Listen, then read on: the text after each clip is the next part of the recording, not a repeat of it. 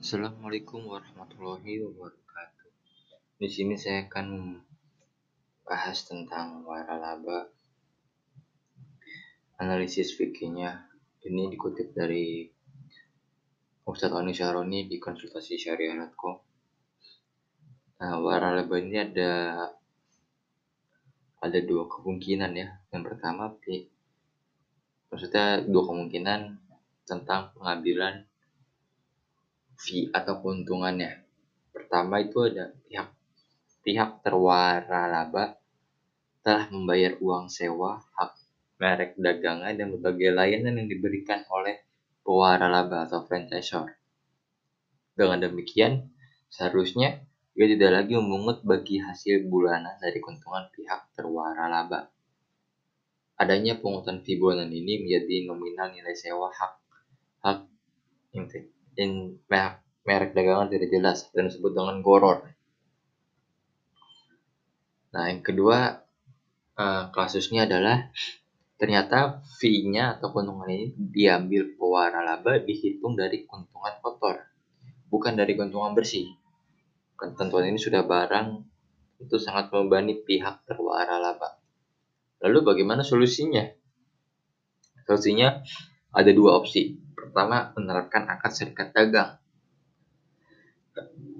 Di mana pihak pewara laba yang bermodalkan hak merek dagang bersinergi dengan pihak terwara laba yang bermodalkan dana. Sebagai konsekuensinya adalah kedua pihak membuat kesepakatan dalam penentuan nilai sewa hak merek dagang selama batas waktu tertentu.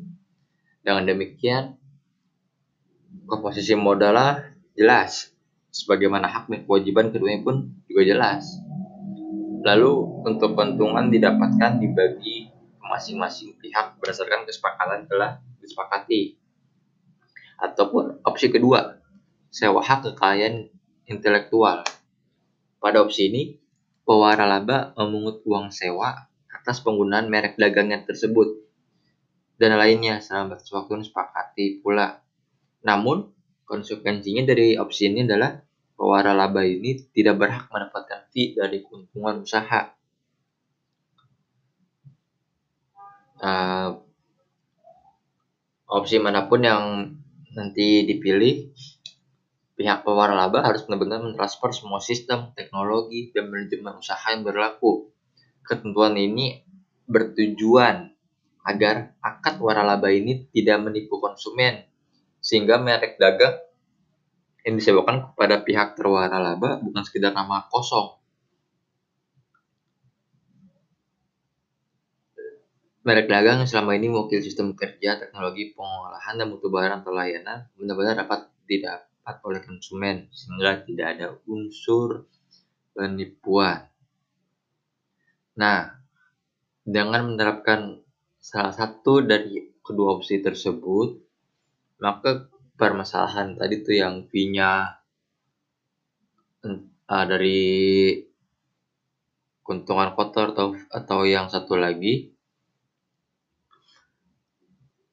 itu dapat dihindarkan sehingga waralaba ini tuh memenuhi syarat syariat dalam serikat usaha atau sewa menyewa.